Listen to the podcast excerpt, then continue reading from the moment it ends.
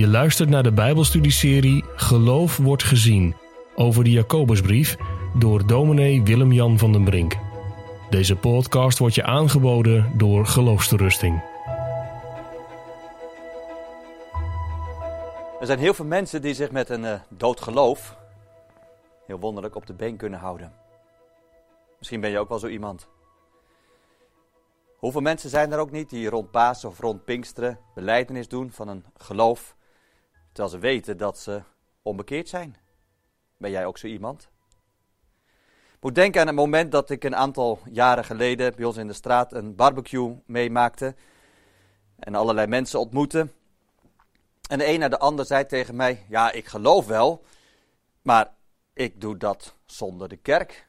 Ik geloof in God maar ik heb daar de kerk niet bij nodig.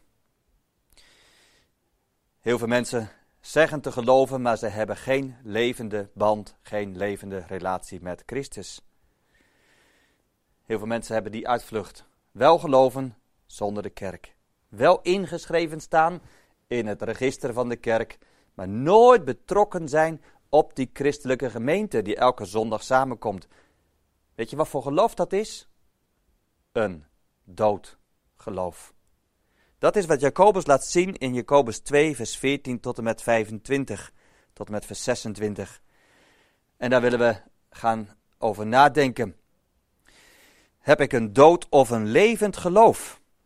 In het eerste gedeelte, vers 14 tot en met 17, denken we na over godzaligen die geven. In de versen 18 tot en met 20 denken we na over duivels die beven. Het laatste gedeelte de versen 21 tot en met 26 over voorbeelden van leven. In vers 14 valt Jacobus met de deur in huis. Wat voor nut heeft het, mijn broeders?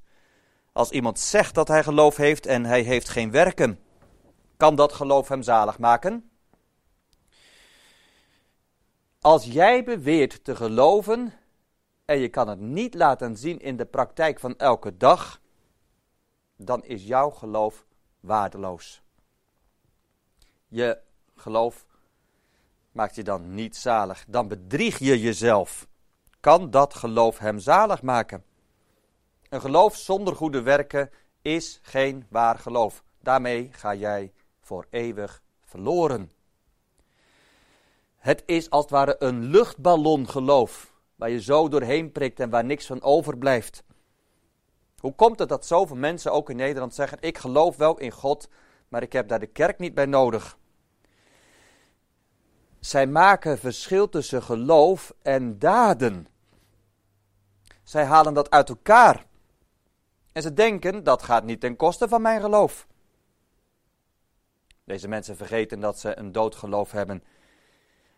Als we lezen wat er in vers 15 en 16 staat, is dat heel duidelijk. Als er nu een broeder of zuster zonder kleding zou zijn en gebrek zou hebben aan dagelijks voedsel.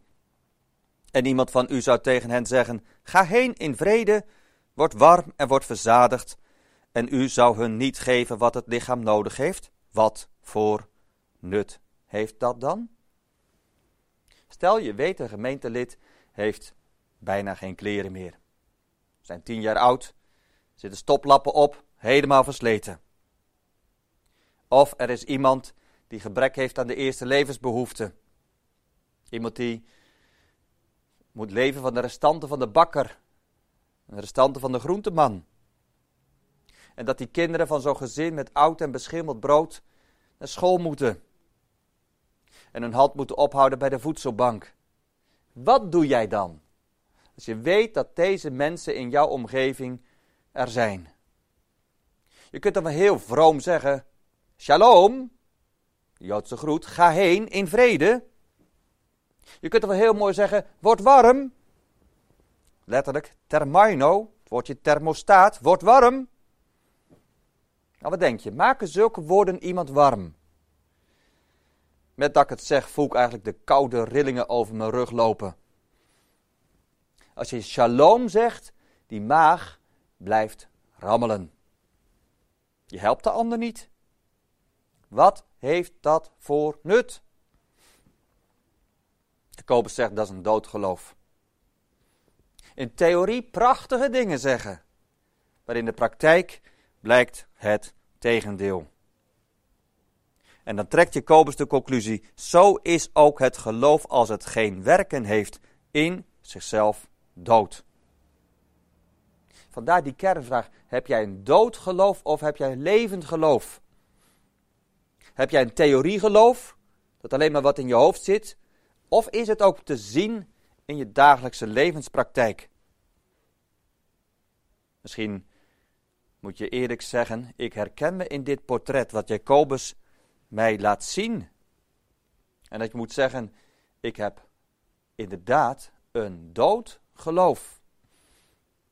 Er zijn zoveel gelovige leden op papier, maar hun geloof is zo dood als een pier. Er zijn zoveel randkerkelijke leden die hun geloof niet in de praktijk brengen. In Gods ogen zijn ze dood. Hoe merk je dat nou? Ja, omdat zij niets over hebben voor hun naaste. Hun geloof straalt niets uit. Ze laten gerust die ander verhongeren. Ze laten gerust die ander in de kou staan.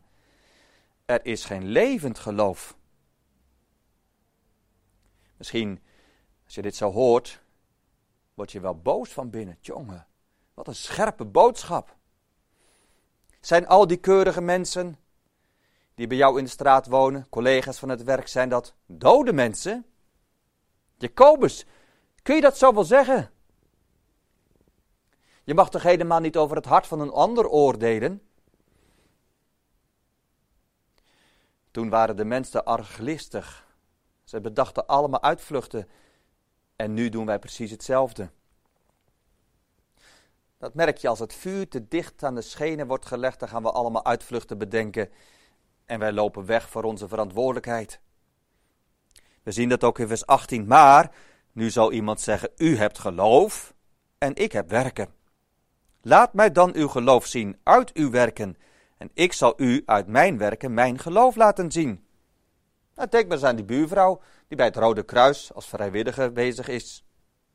Of denk aan die andere die je ook kent, die in het ziekenhuis vrijwilligerswerk doet of heel veel mantelzorg verricht bij iemand die hulpbehoevend is. Denk aan de vele vrijwilligers op de voetbalclub of bij een politieke partij.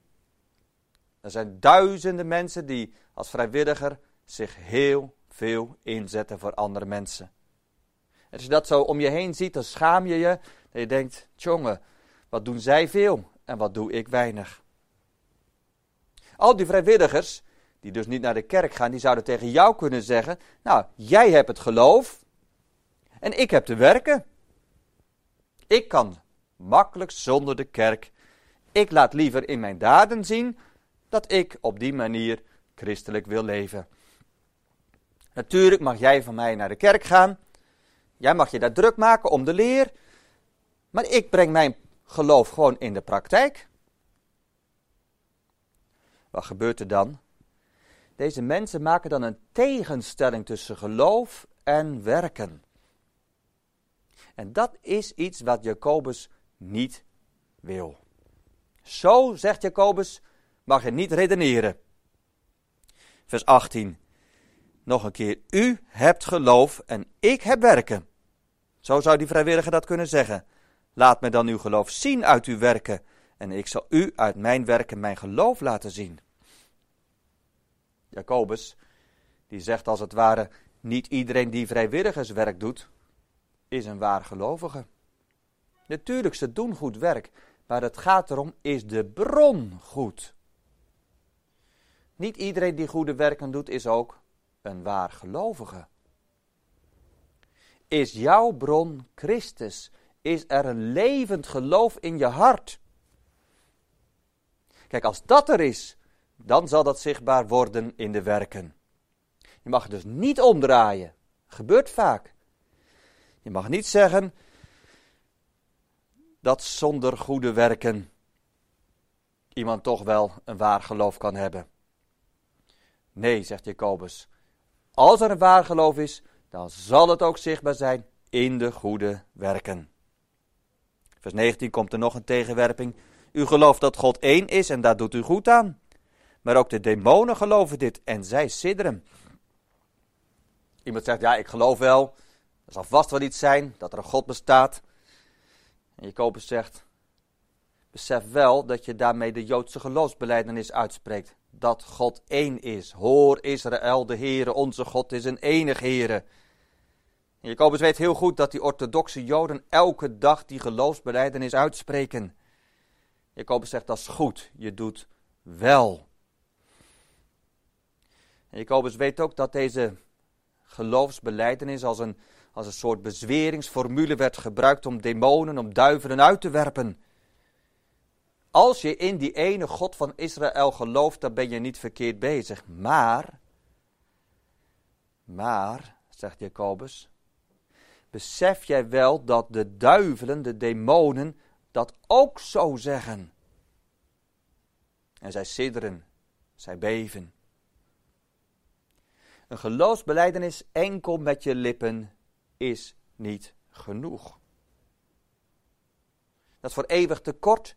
Dan kom je niet verder dan de duivelen, dan de demonen. Als jij je hele lang zegt met je lippen, ik geloof in God, maar je laat nooit goede werken zien. Het wordt niet zichtbaar in de praktijk, dan moet jij beven. Net als de duivels. Als jij niet verder komt dan zo'n lippenbeleidenis, dan ben je uiteindelijk nog minder dan de duivels. Er staat letterlijk in het Grieks, die duivels, die beven, die sidderen, die staan stijf van schrik. Denk maar aan kippenvel krijgen, dat je helemaal verstijft. Weet je waar ik aan moest denken? Aan wat de duivels zeggen als ze de Heer Jezus zien in de synagoge. Als hij daar onreine, als hij daar zieke mensen beter maakt. Als daar die onreine geest voelt dat hij uitgeworpen wordt. Laat af. Zo zegt zo'n onreine geest, zo'n demon. Wat hebben wij met u te doen, gij Jezus Nazarener? Zijt gij gekomen om ons te verderven? En dan zegt die duivel, ik ken u wie gij zijt, namelijk de heilige van God. Vergeet jij niet dat de duivelen werkelijk in Jezus Christus geloven als de Zoon van God? Ze erkennen Hem dus het geloof van de duivel gaat dieper dan, heel, dan het geloof van heel wat mensen. Ze erkennen Jezus Christus als de Zoon van God en tegelijkertijd zij beven, zij sidderen. Hoe komt dat? Ze zijn in de hel. Ze beven voor de toorn van God.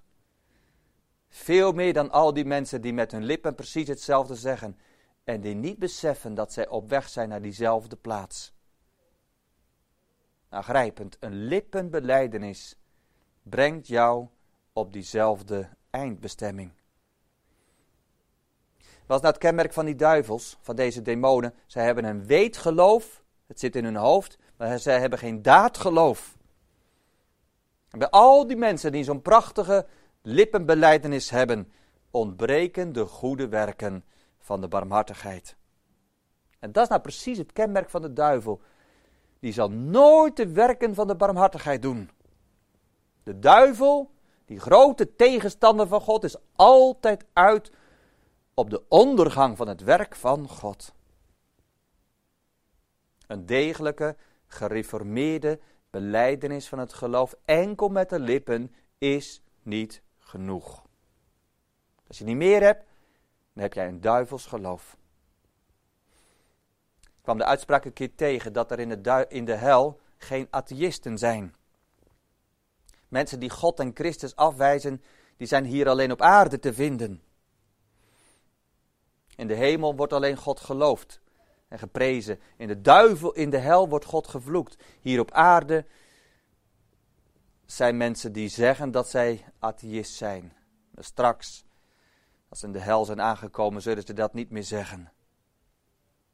Die duivelen, zij beven voor God. En zo ontmaskert Jacobus een lippengodsdienst. Waar zijn die goede werken die bij dat ware geloof horen? En zo die scherpe vraag, vers 20. Maar wilt u weten, o nietig mens, dat het geloof zonder de werken dood is? staat letterlijk ijdel mens, leeg mens. Denk maar aan het voorbeeld van een geldbedrag op de bank zetten, bijvoorbeeld 10.000 euro, en dat levert niets op. Je krijgt er geen rente voor. Dat is het woordje dat daar mee te maken heeft. Je zet kapitaal op de bank, een geldbedrag, en het levert niets op. En zo zegt Jacobus, o nietig, ijdel mensenkind. Dat geloof, dat alleen maar een lippenbeleidenis is, levert niets op. Als Jacobus dat gezegd heeft, gaat hij dat onderbouwen met twee voorbeelden. Voorbeelden van echt leven. We zien dat in de versen 21 tot en met 26. En eerst geeft hij Jacobus het voorbeeld van Abraham. Hij zegt heel mooi, Abraham onze vader. De vader van de Joden, nakomelingen van Abraham, en de vader van de gelovige heidenen. De Joden noemen Abraham onze vader. En ook de heidenen, zij mogen Abraham onze vader noemen. We lezen dat in Galaten 3 vers 9. Zo dan, die uit het geloof zijn, worden gezegend met de gelovige Abraham. En zo grijpt Jacobus prachtig terug op dat voorbeeld dat voor alle gelovigen geldt. En de Joden, die hebben Abraham bewonderd. Zij zeggen, hij is de gelovige die volmaakt die Torah van God heeft gehouden. Als God het onmogelijke vraagt, je eigen kind offeren, dan kun je zien wat het geloof vermag. Abraham, hij doet het, zijn geloof wordt beproefd en hij komt er dan gelouterd uit. Hoe schittert dat geloof van Abraham? In vers 22 wordt zelfs gezegd: Ziet u wel dat het geloof samenwerkte met zijn werken en dat door de werken het geloof volmaakt is geworden? Jonge vrienden, denk maar aan het voorbeeld dat, dat Abraham zo met zijn zoon Isaac naar dat altaar gaat en daar Isaac op neerlegt. Je ziet het in de daden. Onmogelijke, je kind aan God geven, dat doet Abraham.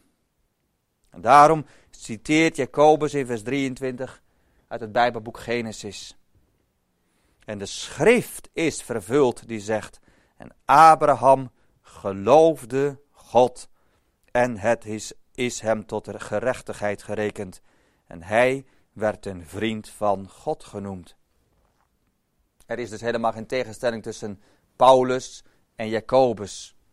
Niet de goede werken rechtvaardigen. Nee, zegt Jacobus. En Abraham geloofde God. En dat is hem tot gerechtigheid gerekend. Maar uit de werken zien we het geloof in de praktijk. Hoe heeft dat geloof nou meegewerkt? Samengewerkt, zegt vers 22. Misschien dat iemand wel zegt, en dat jij zegt, ik begrijp dat niet goed. Mag je dan denken aan het voorbeeld dat twee paarden bijvoorbeeld één ploeg trekken? Zijn geloof en werken dan even belangrijk? Zo zou ik het niet willen zeggen. Weet je wat een goed voorbeeld is? Dat je het geloof vergelijkt met een locomotief. En die dan de karretjes, de wagons van de goede werken vooruit trekt. Zo moet je het geloof zien. Dat het geloof samenwerkt met zijn werken. En dat betekent ook dat woordje samenwerken vanuit het Grieks. Het betekent begeleiden. Nou, zonder locomotief, zonder geloof zijn er geen goede werken. Een prachtig voorbeeld wat Jacobus geeft, Abraham. Misschien ben jij ook wel iemand die denkt, mezelf vergelijken met Abraham, maar dat durf ik niet. Abraham, de vader van alle gelovigen. Weet je wat zo mooi is? Dat Jacobus jouw worsteling begrijpt. En als Jacobus dat prachtige voorbeeld van Abraham heeft gegeven, wat doet hij dan? Dan geeft hij een tweede voorbeeld van iemand die heel erg laag op die maatschappelijke ladder staat.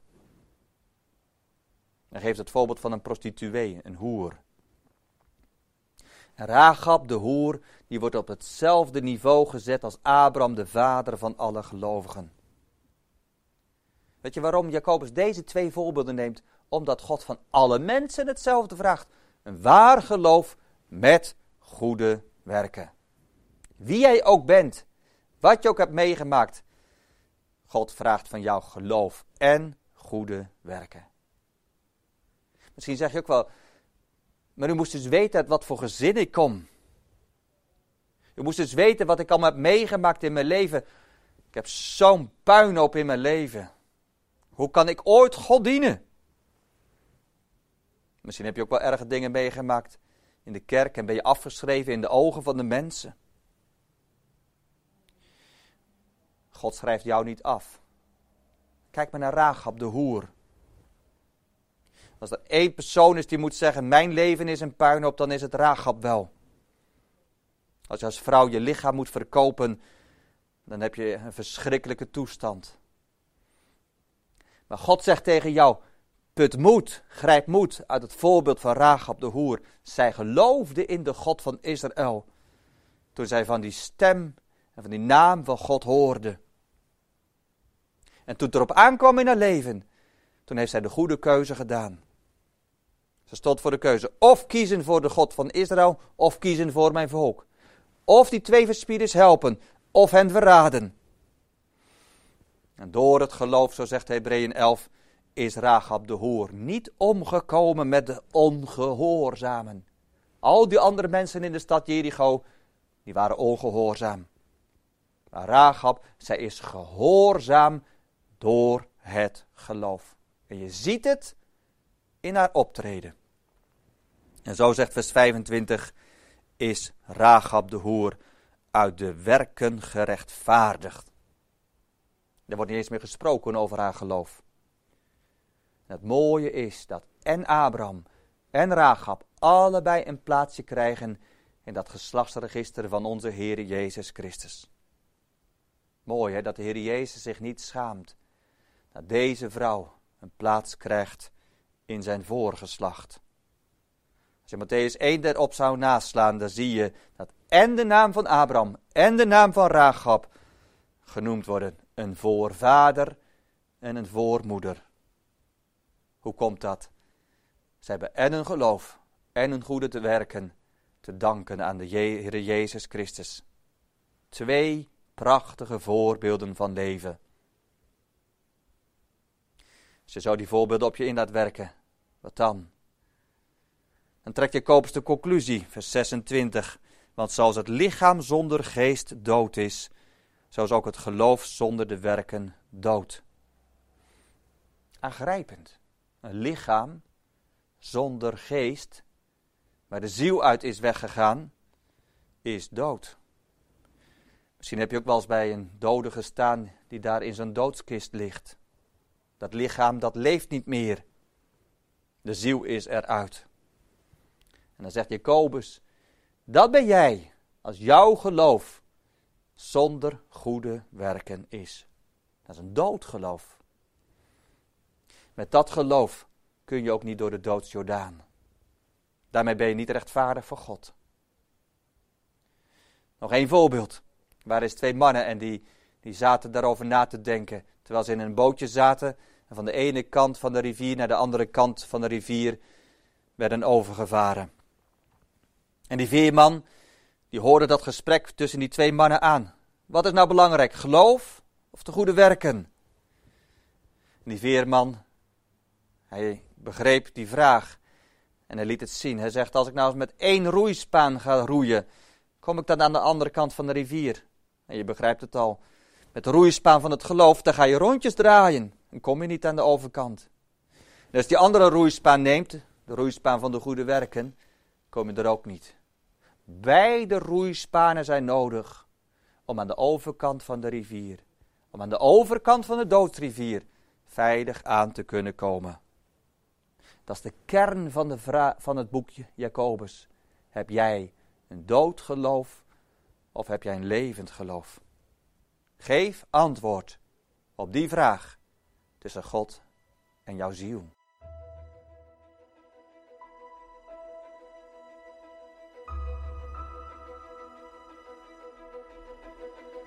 Je luisterde naar een podcast van Geloofsterusting. Wil je meer luisteren, lezen of bekijken? Steun dan onze missie en ga naar de website geloofsterusting.nl.